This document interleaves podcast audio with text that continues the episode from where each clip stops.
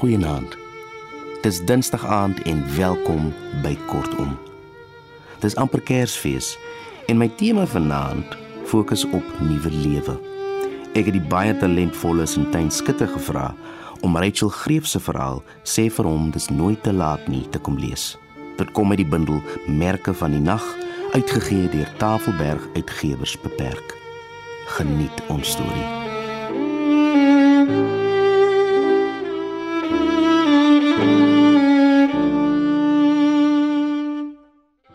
Maria dos Ramos lewe saam met die afwesigheid soos met 'n liggaamsgebrek. Sy onderdruk haar droefheid en rangskik haar lewe rondom die vakuum. Toe sy en haar man Mario na die aftree oortrek, hoef sy nie die brokke van 'n kind se lewe ook saam met hul aardse goed uit te sorteer nie. Daar is geen kartondose verweer by die stowwerige nate met skoolrapporte, fotos en vergete seels nie.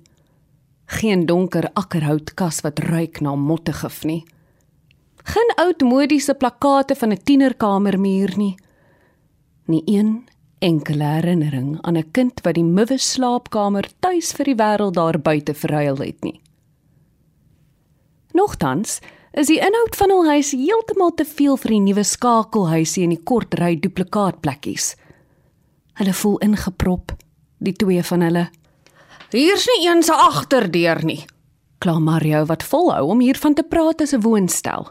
Maria sê dis 'n kothuis. Toe sy die koelkas in die kombuisie oopmaak, voel sy vasgekeer. Die vullisdrommetjie hurk onder die opwasbak en haar kersvrugtekoek rys vas teen die plafon van die oond, klein soos 'n dogtertjie se speelding. Maria en Mario is al 57 jaar getroud. Vandag 1 af doen hulle saam saam die skottelgoed. Hy was, sy droog af. 'n Man, verklaar Mario, het 'n farmer greep vir skoner skottelgoed. En hoekom sou Maria dit betwyfel? Mario is 'n kruitjie roer my nie. Ongedurig oor teenvra en kritiek. Wat meer is, sy voel ewig skuldig eens hom. En wanneer hulle opwas, gesels hulle. Maar die nuwe kombuisie is te knap. Hulle is verpletter. Hul ontnugtering is so teenwoordig soos 'n gas in die nuwe huis. Dit maak die plek nog voller. Mario sê niks. Maria tas na woorde. Tensy sy hande in skuim en warm water is en hare onder die gewillige donsigheid van die afdrooglap, weet hulle nie hoe om oor belangrike of intieme dinge te praat nie. Daardie nag lê Mario ouer gewoonte met sy arm styf om Maria. Die greep van sy arm spreek van eienaarskap. Maria sukkel soms om so aan die slaap te raak, maar aanvaar dit. Selfs in sy liefde is Mario onmoontlik. En toe, in die donker, krimp Mario. Die ander dagoggend, terwyl hy en Maria nog in die bed lê, herroep hy sy droom. En sy stem, soos sy gesiguitdrukking, is miserabel. Hy het 'n lillipitter geword. En Maria, die reuse vrou, het hom rondgedra in haar vingerhoed. Haar nagtelike fantasie is gans anders en haar herlewing is heuglik. Hul nuwe klein dakkie gly oop. Hulle ritsel hul vere en vlieg uit op gladde vleuels, sirkel op in die grenslose asemrowende uitspansel, hoër en selfs nog hoër totdat die mense op die aarde niks meer is nie as swart spikkeltjies. In die vlamblou gewelf swewe hulle gewigloos. Nessie duiwe, sê Mario en herinner haar hoe hulle destyds betower dopgehou het wanneer hul vliegtuie op en op dryf en oplos. Hulle het nie verdwyn nie, herinner Maria hom. Hulle het maar net gegaan waar ons nie meer kon sien nie. En hulle het altyd teruggekom, onthou? Kort hierna verlaat Mario vir Maria. Sy bring soggens vir hom koffie in die bed en klim dan weer langs hom in. Die oggend is geen uitsondering nie. Toe sy in die deur verskyn, kyk hy verras na haar. Iets sê hy is fout. Knorrend probeer hy homself op die een elmboog lig. Jesus tog. Moet nog die grasrande wat die man nie gedoen het nie. Dis dit slegte tyd.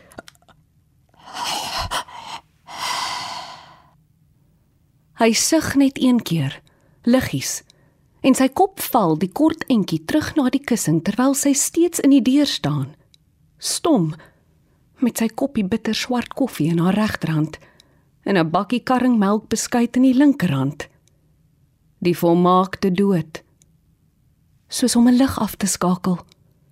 Maar dit besef Maria eers later toe haar verstand daardie oomblik om en om soos 'n spoelklip rol. Sy het meer verwag. Iets meer indrukwekkends. Maar daar was net Mario wat verby haar staar en die stilte.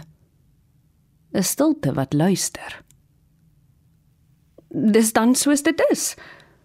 Eenvoudig, asof Mario by die agterdeur van sy eie oë uitgeglip het. Sy trek die ooglede af. Eers die een en dan die ander. Maak hom toe onbewus daarvan dat 'n blinding terselfdertyd in haar afrol. Tydsaam en stil groet sy hom. Haar man, haar minnaar, haar maat, die spul van haar liefde, haar lewe. Sy vertoef by elke moesie en sproet. By die uil wit spriete uit sy ore. Die oorlelle met die ouderdom met sy ore vergroei. Dit kan selfs die sabberaam van vlerke wees. Sy maag is selfs nou nog plat. Dis net effens uitgesak by die sye soos hy daar lê. Sy stop by die eelte onder sy voete. Hy het lang afstande met hierdie voete geloop in die veld en op die berg met hierdie tone immer netjies versorg. Die onverbiddelijke biddelike voetbrug. Dis eers toe sy haar trouring van sy linkerhand glip en besef die warmte van die ring verdwyn nou vinnig en vir altyd dat sy op haar knie langs hom neersak. Uiteindelik, toe dit al teetyd is, snuit sy haar neus. In die badkamer speel is haar oë klein en rooi. Haar gesig lyk afgeskil. Nou eers bel sy die suster in die siekeboeg. Vreemd, dink sy terwyl sy wag dat iemand die luiende foon beantwoord. Dat Mario nie protesteer nie. Hierna dink Maria anders oor die dood. Dit is dan tog nie so 'n buitengewone gebeurtenis nie. Net maar nog 'n uitgang. En nou dat sy een is en nie meer twee nie, moet sy uit die skakelhuis. Die huise is net vir egbare en sy moet pad gee na 'n enkel kamer op die eerste verdieping van die hoofgebou. Haar nuwe blyplek is lank genoeg vir 'n enkel bed en 'n stoel, wyd genoeg vir 'n kas en 'n snippermandjie. Uit haar venster sien sy die tuise wasgoedlyn met geblomde rokke en groot vleeskleurige broeke wat vormloos wapper in die suidoos so skimme wat sukkel om te ontsnap. Na agter is nog 'n vleuel en verder, dit weet sy al kan sy dit nie sien nie, is die boomgroen hellings van die berg. Die uitsig het sy liewer as die voorste gesig, die van poskaarte. Na net 18 maande van heen en weer in haar hokkie soos 'n hamster, kom die besluit. Sy is nie meer sterk genoeg om op haar eie te bly nie. Nou moet sy trap af na 'n kamer wat sy sal deel met Miss Watson. Wie se kamermaat, ou mevrou Ivy, dood is. Die bestuur van Maria se huis spaar mense af volgens godsdiens en natuurlik geslag sodra hulle by die dubbelkamer stadium kom. Dit is die eerste opsigtelike stap op die voerband wat abrupt stop by die dubbelhoutdeur aan die agterkant van die siekeboeg. Binne die eerste uur in die teenwoordigheid van Miss Watson weet Maria presies hoekom ou mevrou Ivy moes voort. Want Miss Watson, jare lank skoolhoof by 'n bekende plaaslike meisieskool, is 'n onuitstaanbare ou kraai. Sy skel.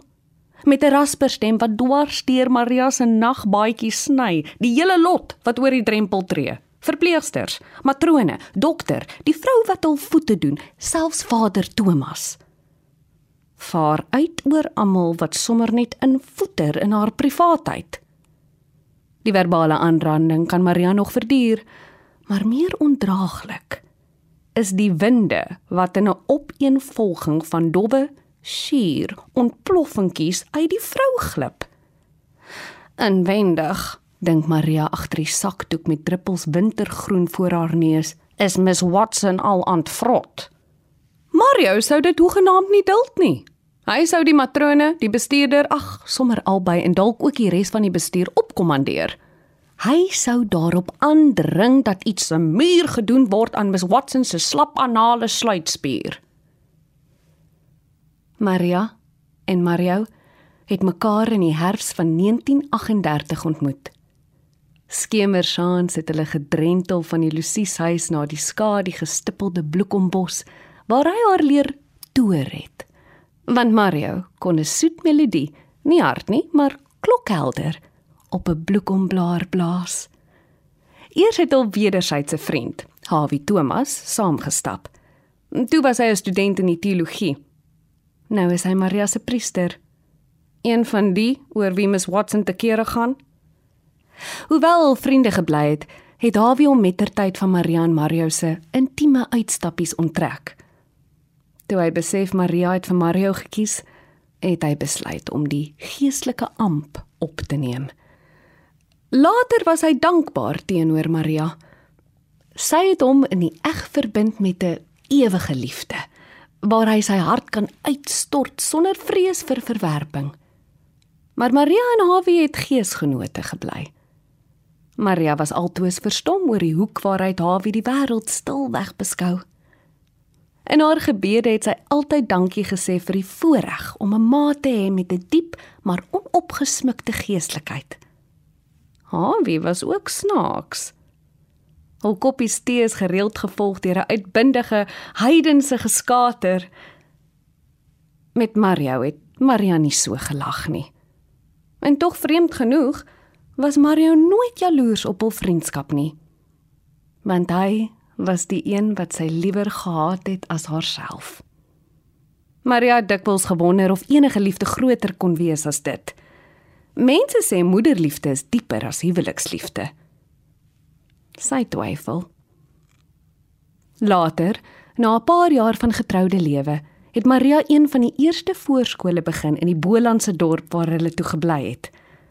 Sy het dikwels stip gekyk met 'n oog wat meet na die ma's en hul kinders. Sy het probeer om daardie liefde op te weeg teen haar liefde vir Mario. Jare lank het sy bly hoop en glo sy sal self kinders hê. Sy is van dokter tot dokter en moes keer op keer dieselfde vrae beantwoord in dieselfde posisie onder die niks beduidende kompersie op die ondersoekbed. Kan hy nie asseblief die lig bietjie wegdraai nie? Is daar nie 'n verpleegster, 'n vrou wat die ondersoek kan doen nie? Maar die oorsaak van hul kinderloosheid kry nie een geneesheer by Marianne. Sy moet 'n afspraak maak vir haar man. Hy moet kom. Mario weier, egter bot weg. Dit sal te vernederend wees. Maria begryp en blameer hom nie. Vir hom sal dit net te veel wees.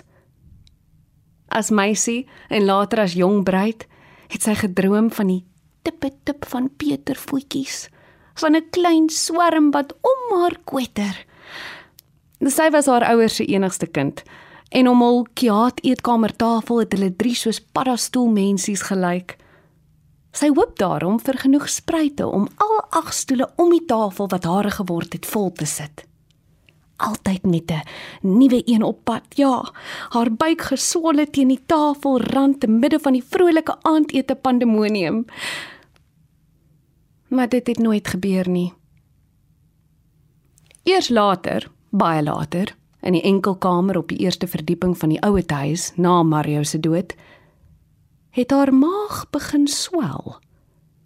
Langsaam het dit uitgesit en niks het die stadige aanwas gestuit nie.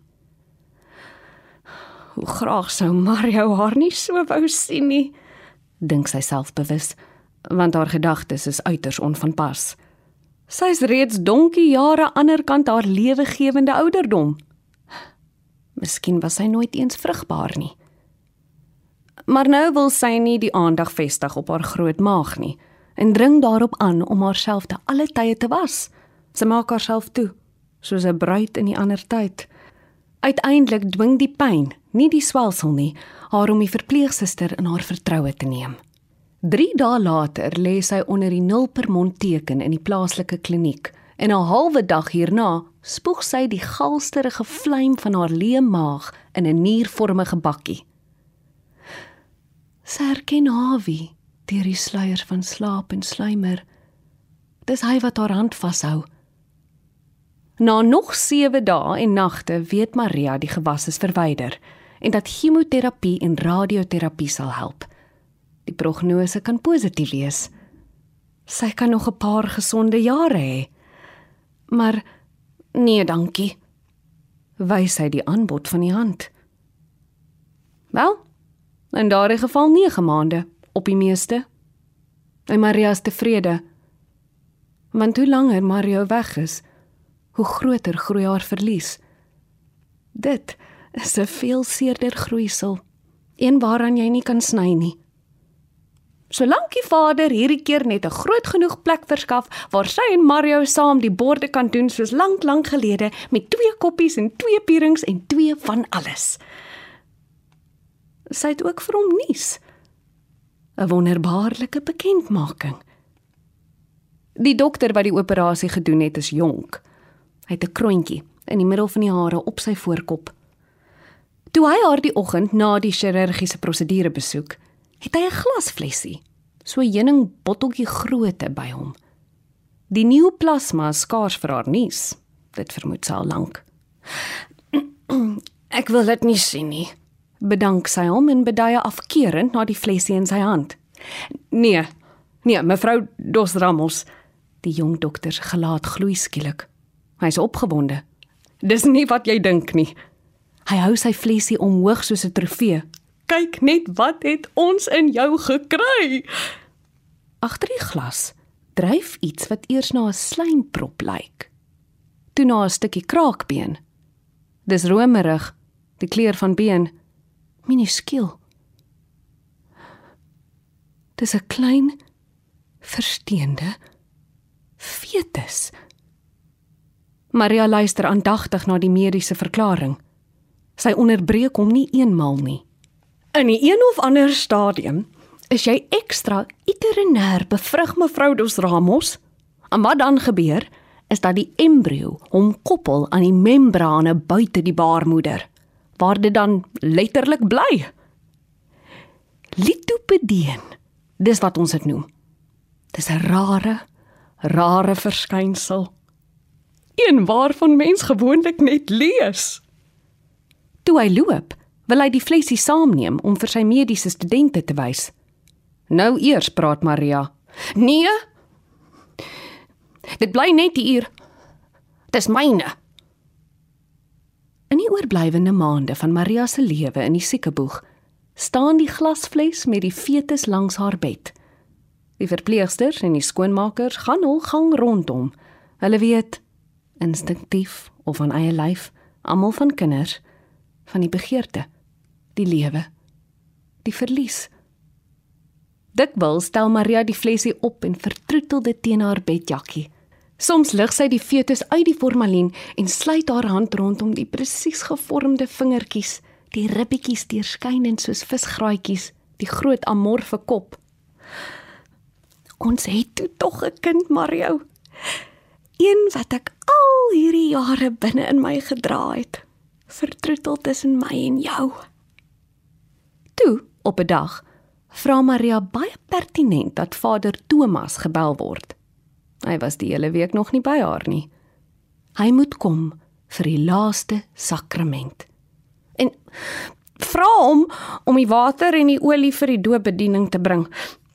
Sê vir hom dis nooit te laat nie. Hulle trek die gordyn rondom haar bed.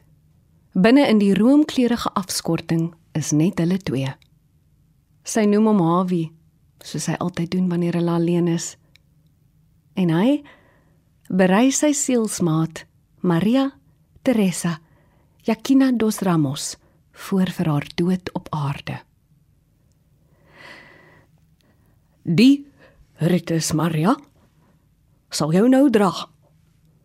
Soos dit my deur al hierdie jare gedra het.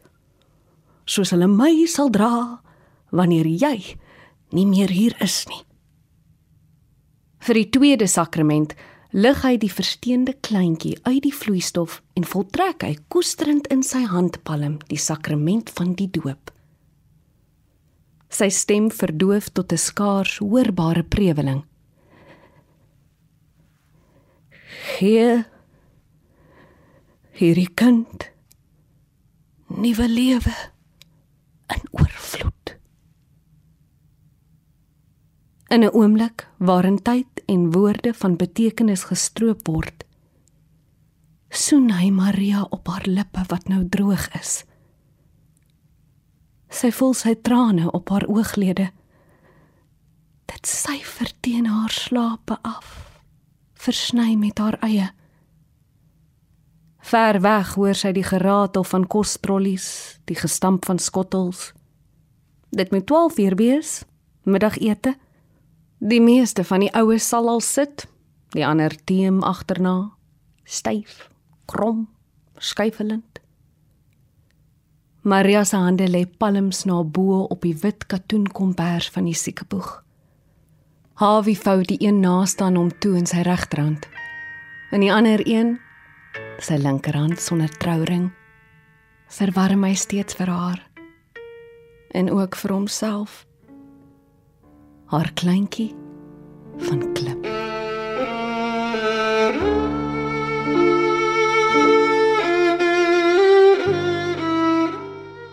Dit was sê vir hom dis nooit te laat nie deur Rachel Grief. Baie dankie Sintyn Skutte vir die wonderlike voorlesing. Dit was dan ook my laaste program vir 2022. Tot volgende jaar en soos altyd van my kant af, laat dit juig en veilig bly.